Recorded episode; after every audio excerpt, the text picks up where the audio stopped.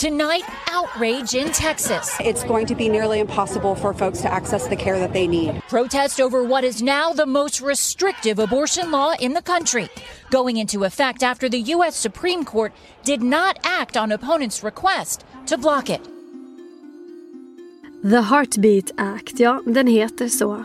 Abortlagen i delstaten Texas i USA som gör det olagligt för kvinnor att avbryta en graviditet efter vecka 6. En lag som i praktiken kommer att innebära att upp till 90 av alla aborter förbjuds och att de flesta abortkliniker kommer att tvingas stänga. Våldtäkt eller incest kommer inte att vara giltiga skäl för att avbryta en graviditet och lagen innebär dessutom att man från och med nu kan anmäla och stämma personer som man misstänker hjälper kvinnor att utföra aborter. Att till exempel skjutsa en kvinna till en abortklinik kan kosta 10 000 dollar i böter. Pengar som sen går till angivaren. Lagen väcker förstås enormt starka känslor och mycket kritik. Även från president Joe Biden som säger att lagen strider mot landets konstitution. Men fem andra delstater i USA har redan uttryckt intresse för att anta en likadan lag. Så vad innebär det här för abortsituationen i landet? Vad innebär lagen för kvinnor i Texas? Och finns det någon väg tillbaka?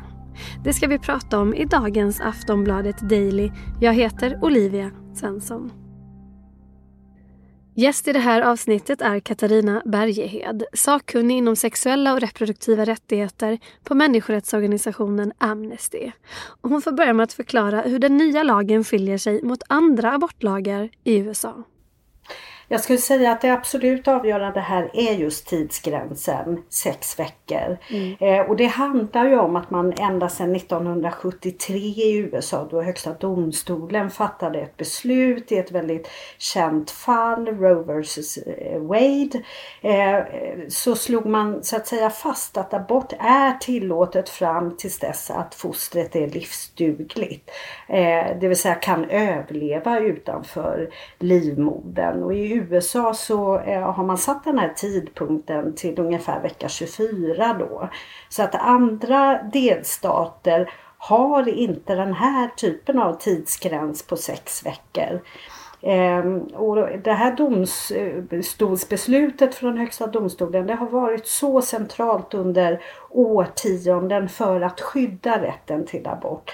Sen, sen har många delstater liksom hittat andra sätt att försvåra för eh, flickor och kvinnor och andra som är gravida att få abort. Eh, men, men just lagstiftningen eh, har inte innehållit sådana här tidsgränser i andra delstater. Och sen så är det ju också en, en ganska speciell sak med den här Texaslagen. Eh, det är ju att, att man inte heller gör abort efter sex veckor straffbart. Eh, det blir förbjudet men det blir inte straffbart. Och det är inte heller delstaten då som kommer att upprätthålla lagen eller jaga eh, de flickor och kvinnor som ändå gör abort. Men men nu är det istället privatpersoner som, som då uppmanas att och stämma personer som har hjälpt kvinnan att få abort. Ehm, så att man riktar sig istället på Eh, och förlita sig på att medborgare nu ska liksom rapportera och eh, ställa till med domstolsprocesser mot hälso och sjukvårdspersonal eller en mamma som har skjutsat sin dotter till en abortklinik och på så sätt hjälpt till då att möjliggöra den här aborten.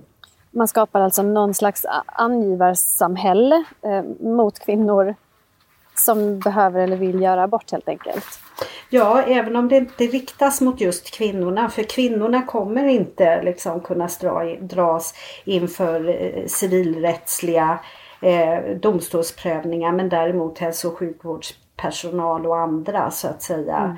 Mm. Eh, så ett angiverisystem absolut och, och, och då måste man ju komma ihåg att redan idag så, så vet vi ju att utanför många abortkliniker runt om i USA så finns ju en närvaro av den här typen av organisationer som eh, vill inskränka möjligheten för kvinnor att få abort. Eh, man försöker hindra dem att gå in och så vidare. Och, och det här blir ju liksom ytterligare en kränkning och stigmatisering att nu ska man också liksom eh, misstänkliggöra eh, kvinnorna eller de personer som följer med dem dit och så vidare. Och, och liksom, det förvärrar ju situationen dramatiskt. Lite tidigare i det här avsnittet nämndes Roe vs Wade. Men vem är Roe, vem är Wade och varför har det här rättsfallet från 1973 blivit så viktigt? I Texas var det vid den här tiden olagligt att göra abort om det inte handlade om att rädda kvinnans liv. Under pseudonymen Jane Roe tog en 21-årig kvinna strid mot lagen. Åklagaren Henry Wade var svarande i fallet. Båda parter ville få det testat i Högsta domstolen och där slogs det fast att kvinnor ska ha rätt till abort med hänvisning till det 14 tillägget i USAs konstitution. Det som handlar om den grundlagsskyddande rätten till privatliv. Genom åren har det dock funnits möjlighet att kringgå Roe vs Wade, till exempel med hjälp av så kallade hjärtslagslagar som begränsar hur sent i graviditeten som en abort får genomföras. Den här nya lagen i Texas, vad innebär den i praktiken för kvinnor som vill och behöver göra en abort? Vi hör Katarina Bergehed igen. Ja, Väldigt många kommer ju inte kunna göra det i Texas längre därför att vid sex veckor så är det ju inte säkert att man ens är medveten om att man är gravid. Eh, man kan ju uppfatta det som en försenad mens eller, eller så. så att, eh, det kommer ju göra att väldigt många som av olika skäl vill och behöver få en abort inte kommer kunna få det i Texas. Eh, de kommer behöva söka sig till andra delstater eh, och då blir det ju återigen en fråga, vem har möjlighet att ta ledigt från jobbet, förlora arbetsinkomst, eh, få någon som passar barnen för att kunna arrangera de här resorna. Det krävs ju oftast inte en utan två resor som man måste göra. Eh, eh, är det, de allra mest marginaliserade och fattiga kvinnorna kommer inte heller, för dem kommer inte det här vara ett alternativ att behöva söka sig utanför sin egen delstat. Så som alltid, alltid, alltid skulle jag vilja understryka alla inskränkningar av aborten kommer slå olika och det är alltid de mest marginaliserade som drabbas hårdast. Sen är väl också en eh, poäng att flera andra delstater, eh, som kanske också särskilt de som ligger runt Texas, har också väldigt hårda abortlagar redan och vill väl, eh, en del av dem i alla fall, gå samma väg som Texas har gjort nu. Så är det ju. Det finns en rad olika eh, varianter av det här eh, lagförslaget i andra delstater. Det finns också andra utformningar och det kanske mest extrema som kom för några år sedan det var ju i Alabama där man ville totalförbjuda abort och dessutom straffa eh, hälso och sjukvårdspersonal med 99 års fängelse om man ändå utförde aborter. Så att det finns varianter på det här. Eh, Eh, Eh, eh, och, och, det här faktumet att det nu har trätt i kraft i Texas. För även om det har funnits en rad andra olika förslag i andra delstater så ska man ju komma ihåg att fram tills nu eh, så eh, är det fortfarande eh, lagligt att göra abort i USAs alla delstater trots att det ligger en, en rad sådana här förslag. Och det är ju så att i, i, USA så är det i domstolarna helt enkelt som frågan om abort avgörs.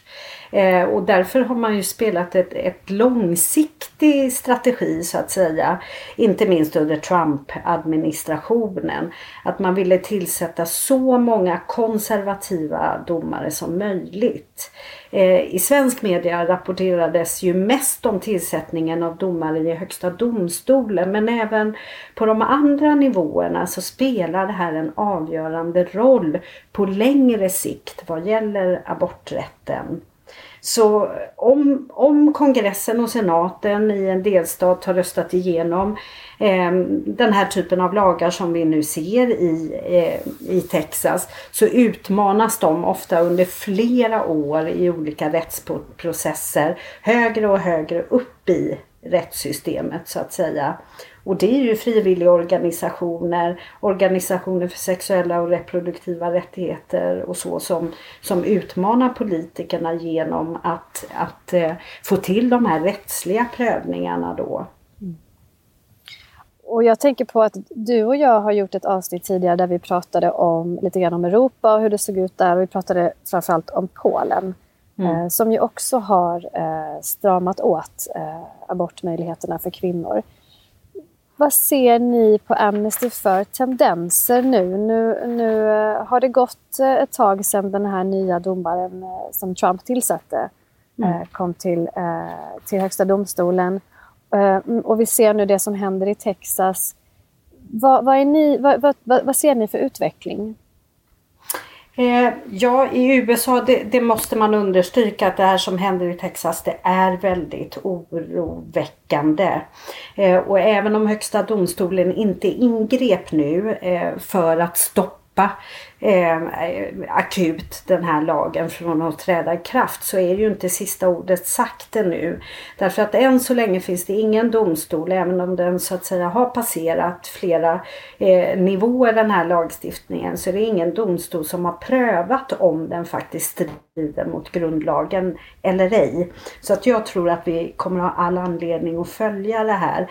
Men tendensen i USA är definitivt att, att eh, många delstater under de senaste åren verkligen har gett sig direkt på lagstiftningen. Innan har det varit andra typer av eh, hinder. Man har till exempel bestämt att det måste finnas ett antal eh, parkeringsplatser utanför en abortklinik. Finns inte det då får de stänga. Så att det, det har vi sett under många, många år att många abortkliniker runt om i landet har fått stänga ner för att man hittar på andra typer av krav som inte har någon medicinsk relevans egentligen för att de ska få verka. Ehm, så det finns ju färre abortkliniker idag. Ehm, och det vi har sett de allra senaste åren då det är att man precis som i Texas går direkt på abortlagstiftningen och inskränker den genom att sänka den här tidsgränsen nu. Ehm, blickar vi bortom USA, eh, ut runt om i världen så är det lite av en kräftgång skulle jag säga. På sina håll så, så ser vi ju en enormt viktig förändring. Ehm, eh, vid årsskiftet eh, eh, så såg vi ju till exempel Argentina, ett av de befolkningsmässigt största länderna i Latinamerika och påvens hemland.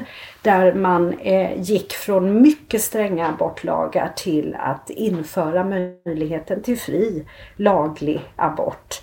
Eh, och där kvinnor tidigare kunde straffas för att de hade gjort olagliga aborter och så vidare. Eh, och där det här helt har vänt nu. Så det är ju en enorm framgång och någonting som kvinnorättsaktivister och andra har jobbat för i årtionden i Argentina.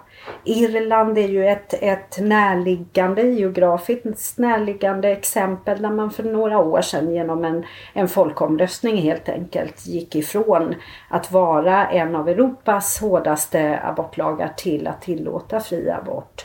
Men sen ser vi ju precis det du nämner, Polen till exempel. Flera andra länder där man på olika sätt inskränker aborträtten. Det kan handla om successiva eh, små förändringar eller som i Polens fall ett helt förödande bakslag. Eh, eftersom det i praktiken betyder att eh, eh aborter är totalförbjudna i Polen idag. Man har tagit bort den möjligheten att göra abort vid allvarliga fosterskador. Eh, och 95 procent av aborterna som gjordes i Polen gjordes på den grunden så att säga tidigare. Och den möjligheten har man nu berövats. Så vi ser framgångar, vi ser att människor mobiliserar. Det är också en helt ny generation eh, som är i reproduktiv ålder eh, och som inte kommer tiga still när de nekas rätten att bestämma över sina egna kroppar, sina egna liv. Eh, men samtidigt så ser vi på andra håll ett, ett verkligt bakslag och hot skulle jag säga mot eh, eh, sexuella och reproduktiva rättigheter. Sist här hörde vi Katarina Bergehed, sakkunnig inom sexuella och reproduktiva rättigheter på Amnesty. Jag heter Olivia Svensson och du har lyssnat på Aftonbladet Daily. På återhörande, hej då. Du har lyssnat på en podcast från Aftonbladet. Ansvarig utgivare är Lena K Samuelsson.